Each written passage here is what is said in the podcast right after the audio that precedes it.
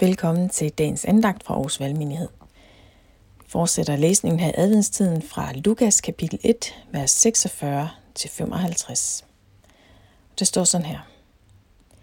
Da sagde Maria, min sjæl ophøjer Herren, og min ånd fryder sig over Gud, min frelser. Han har set til sin ringe tjener inde. For herefter skal alle slægter prise mig salig. Til den mægtige har gjort store ting mod mig. Helligt er hans navn, og hans barmhjertighed mod dem, der frygter ham. Varer i slægt efter slægt. Han har øvet vældige gerninger med sin arm, splittet dem, der er hårdmodige i deres hjertes tanker.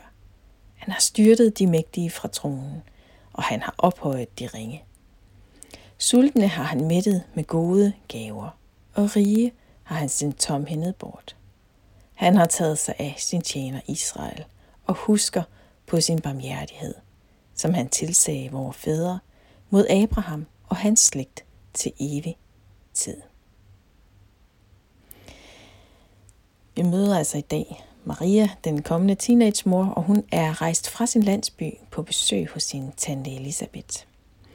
Det er to kvinder i hver sin ende af livet. De er begge gravide, og de er helt sikkert begge genstand for viskeri og sladder i krone.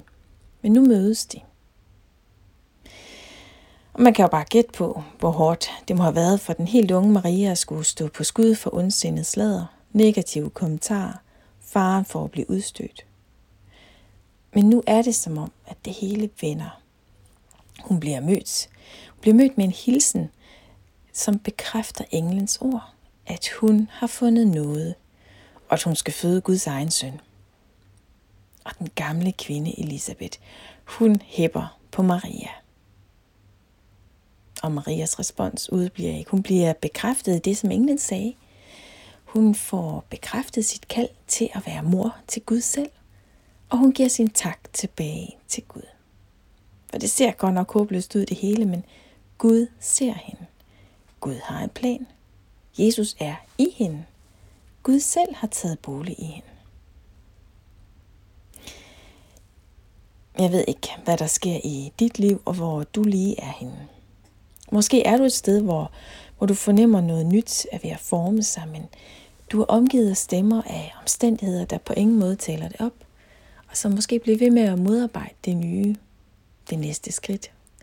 Din tilbagevenden til livet, som det så ud før, måske før sygdom, arbejdsløshed eller andet, der ramte. Og måske er det dig, som i dag skal gøre det, Maria gjorde. Flytte dig. Måske fysisk, måske mentalt. Sæt dig et sted, hvor der bliver hæppet på dig. Hvor der tales sandt om dig. Hvor liv og håb tales op. Hvor du tales op. Og det kan være, at du skal finde plads i dag, i din dag, til at sidde helt stille sammen med Jesus. Tænd et lys. Bare bed ganske kort, Jesus, kom og sæt dig hos mig. Lad mig høre, hvad du siger om mig. Det kan være, at du skal søge ind i fællesskabet, ind i gudstjenestefællesskabet. Møde Jesus i ordet, i nadvånden, i de andre mennesker. Måske er det dig, der skal låne ordene fra Marias lovsang, som vi har læst i dag. Gentag løfterne, hold Gud fast på dem. Lad Marias ord blive dine ord, og ræk ud efter den nye start. Ræk ud efter Jesus, og hør Guds løfte og kærlighed ind i det, der er mørkt og ubarmhjertigt i dit liv. Lad os sammen læse lovsangen igen. Min sjæl ophøjer Herren og min ånd fryder sig over Gud, min frelser. Han har set til sin ringe tjenerinde, for herefter skal alle slægter prise mig salig. Din mægtige har gjort store ting mod mig. Helligt er hans navn, og hans barmhjertighed mod dem, der frygter ham. Den varer i slægt efter slægt. Han har øvet vældige gerninger med sin arm splittet dem, der er hovmodige i deres hjertes tanker. Han har styrtet de mægtige fra tronen, han har ophøjet de ringe. Sultne har han mættet med gode gaver, og rige har han sendt tomhændet bort. Han har taget sig af sin tjener Israel og husker på sin barmhjertighed, som han tilsagde vores fædre, mod Abraham og hans slægt til evig tid. Amen.